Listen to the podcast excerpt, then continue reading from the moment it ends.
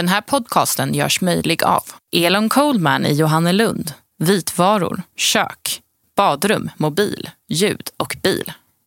Fonus Öst, en riktig begravningsbyrå. I 25 år har Karina Glänning författat krönikor. Det är en salig blandning av förnumstigheter och klavertramp. I podden Glennings gliringar läser Karina en handfull av dessa per avsnitt. Mycket nöje!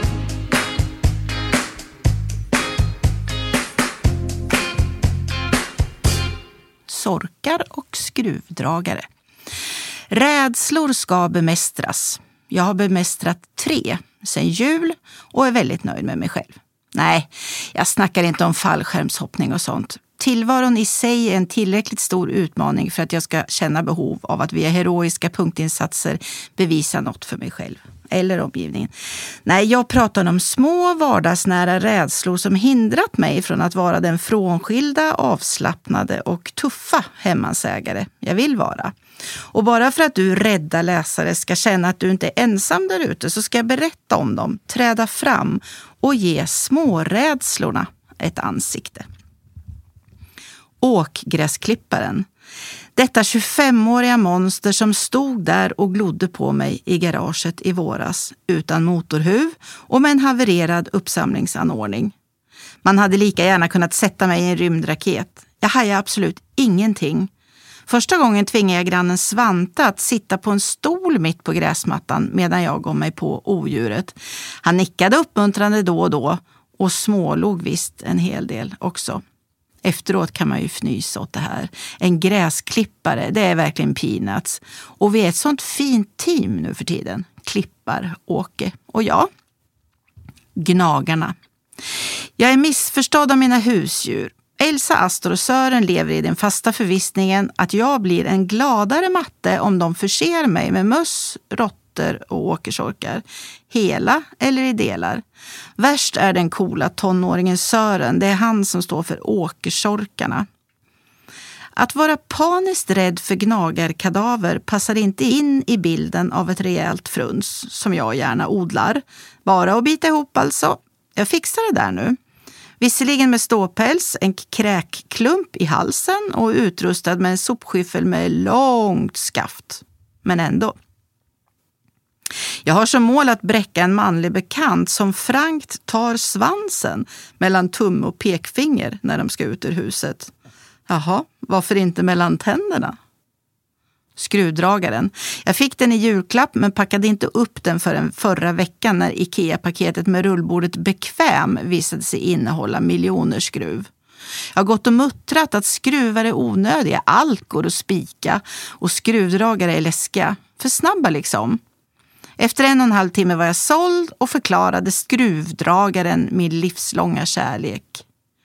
A small step for mankind, a big step for me. Rosor och ringnycklar. Presenter är kul, särskilt när de inte sammanfaller med högtidsdagar utan ges oförhappandes. Man kan få nyttiga, välbehövliga presenter och man kan få onödiga som blommor och choklad. Jag får väl erkänna att jag hittills mest uppskattat de onödiga. Förutsatt att givaren överräcker blombuketten när han anländer och inte fyra timmar senare när den legat och hårdbastat i en stekhet bil. Visst är det lite mysigare att få ett kilo praliner än tänger av sin lillebror i julklapp. Och nog är det lite mer av lyxkänsla över en ullig morgonrock från mamma och hennes man än en skruvdragare. Och hur sprittande kvinnlig och härlig känner man sig egentligen av att begåvas med ett oljefyllt elelement när man fyller? Förstående väninnor förärade mig dock en ansiktsbehandling när livet var sunkigt. Inte fan för att den hjälpte, men för att den gjorde mig lite gladare. Men man lär sig nytt och omprövar hela livet. Och nu inser jag att jag måste lustmörda min inlärda kvinnliga hjälplöshet och engagera mig mer i ämnet praktiska verktyg för att hålla tillvaron flytande. Trots att jag har en alldeles egen snickarbod på tomten var den länge lika oupptäckt som Kamtjatka-halvön. Jag gick bara in där när jag behövde lekakulor eller blomjord. Om en behjälplig mansperson sa, visst kan jag hjälpa dig med den här cykeln Karina, men har du några hylsnycklar? Så svarade jag, va, vad är det? Inte en susning, kolla i snickarbon. Nej, så här kan ni inte hålla på. Det är ovärdigt en hemmansägare och liktydigt med att jag är ett kvinnligt mähä som bara klarar av mitt praktiska liv om jag har en manlig personlig assistent stadd vid välutrustat snickarbälte vid min sida. Undslapp det mig visst vid något tillfälle. Så förra helgen fick jag två presenter som högst påtagligt skulle lysa upp i höstmörkret och göra mig riktigt glad. Var det en hjärtformad chokladask och 20 röda rosor? Nej, det var en binge ringnycklar och en komplett samling insektsnycklar. Så nu kan jag fixa ungarnas cyklar, bilens generator, hårborttagningsmackapären och gräsklipparen. Jippi! Avloppsrensning tror jag dock fortfarande att män är ämnade att syssla med. Det viktiga valet av hårborttagningsapparat. Det är klart jag minns dem alla i detalj, in action. Hur de betedde sig när vi var som mest intima och hade hudkontakt. Och trots att jag inte är lastgammal så får jag lust att göra ett bokslut. En av de första var alldeles för snabb och brutal. Efteråt var jag sargad i både kropp och själ. En var ohyggligt långsam och kom aldrig till skott. Här var det lätt att somna av ren leda. En fordrade faktiskt en flaska vin för att jag skulle härda ut. En hade jag ett mycket kortvarigt förhållande med. Det var en billig, ytlig typ som krävde den ena nya reservdelen efter den andra för att alls fungera. Kinky-typen. Den jag levde längst med lyckades kombinera snabbhet med effektivitet på ett så makalöst sätt att benhåren reste sig av pur förvåning och glädje. Men med ålderns rätt har tempot mattats avsevärt. Nu går det åt många timmar för att jag ens ska bli halvnöjd. Jag lånade ut denna hårborttagningsmojäng alla trötter till min stora syster och hon lyckades fastna i den. Vi hade något slags skönhetskväll med vin, fotbad, inpackningar och annat tjoliox dagen före alla hjärtans dag, då min syster inbjudits till en romantisk afton hos sin alldeles purfärska kärlek. Metalllamellerna som öppnas och griper tag om strået, stängs och sliter upp det, lyckades suga tag i hennes skinn väldigt långt upp på lårets insida. Hon stängde av mackapären blixtsnabbt, fullständigt panikslagen. Med vild blick, ena foten på en stol och handen och mackapären någonstans mellan benen. Ja, ni kanske anar scenen. Jag hade fullt sjå att lugna henne, djupandas, samtidigt som jag föreställde mig att jag ringde 112 och sa eh, Hej, skulle ni kunna skicka en ambulans? Det är så att min syster sitter fast i en elektrisk hårborttagningsapparat. Vad skulle vi göra? Slita loss apparaten eller starta den igen i förhoppningen om att den skulle släppa skinnet? Ja, det var frågan. Efter ytterligare djupandning och ytterligare ett glas vin valde min syster det senare och satte på apparaten. Och det lyckades.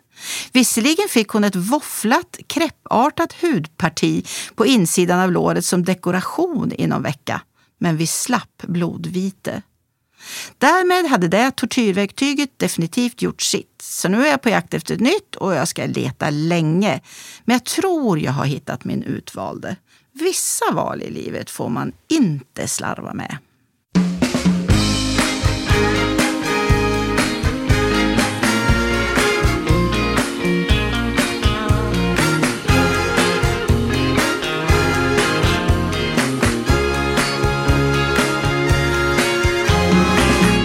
När helggubben dödade en gunga.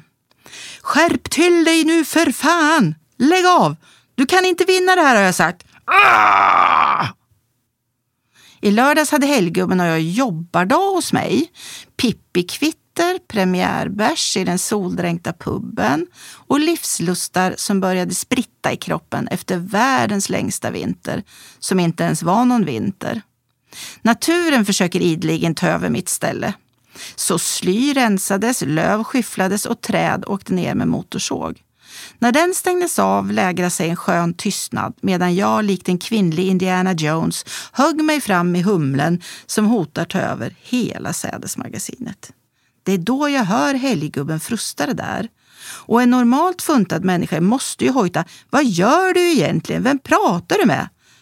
Lägg dig inte i det här. Du bad mig demontera den gamla uttjänta trippelgungställningen. Jag har inte vinkelslipen med mig. Därför måste jag bända isär den för hand.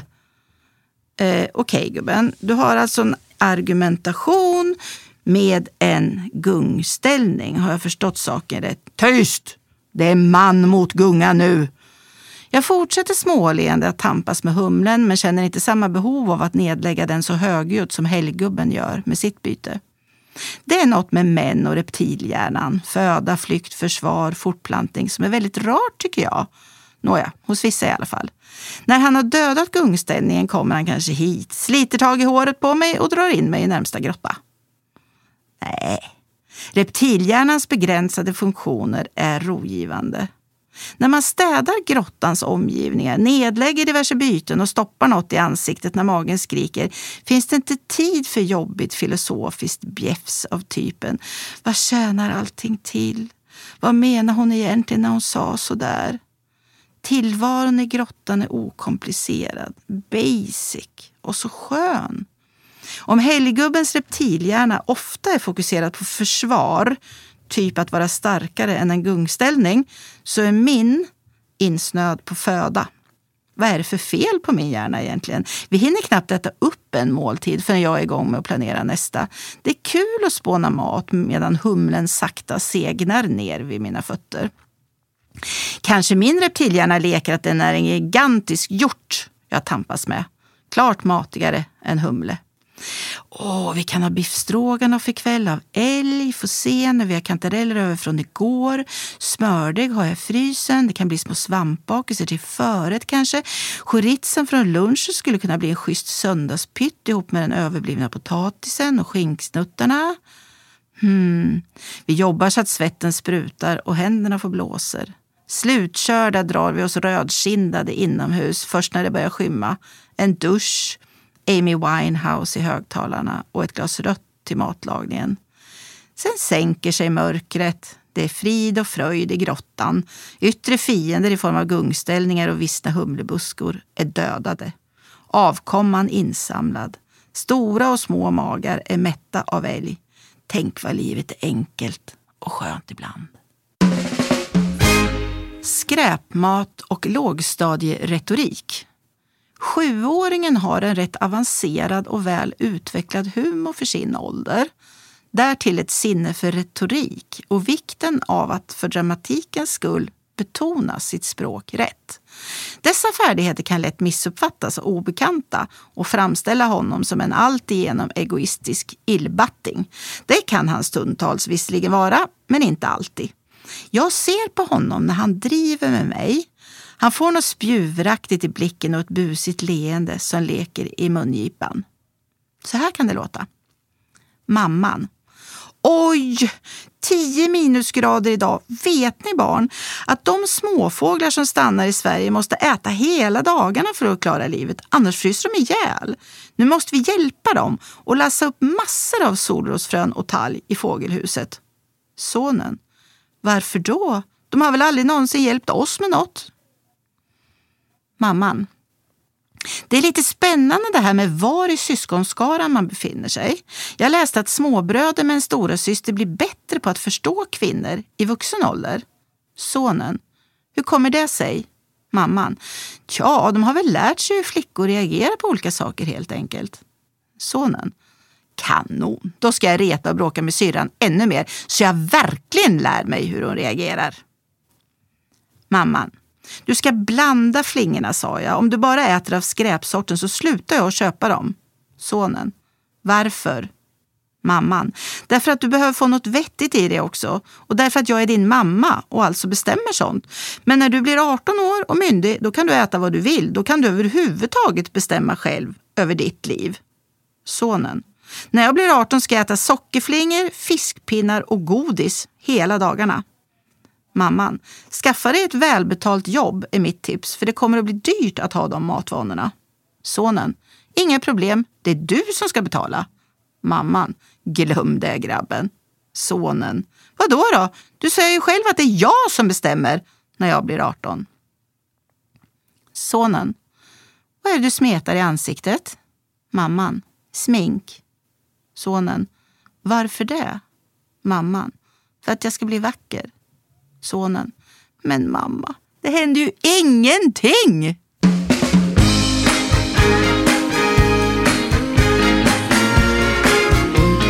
Du har lyssnat på Glennings gliringar. Ansvarig utgivare Christer Kustvik.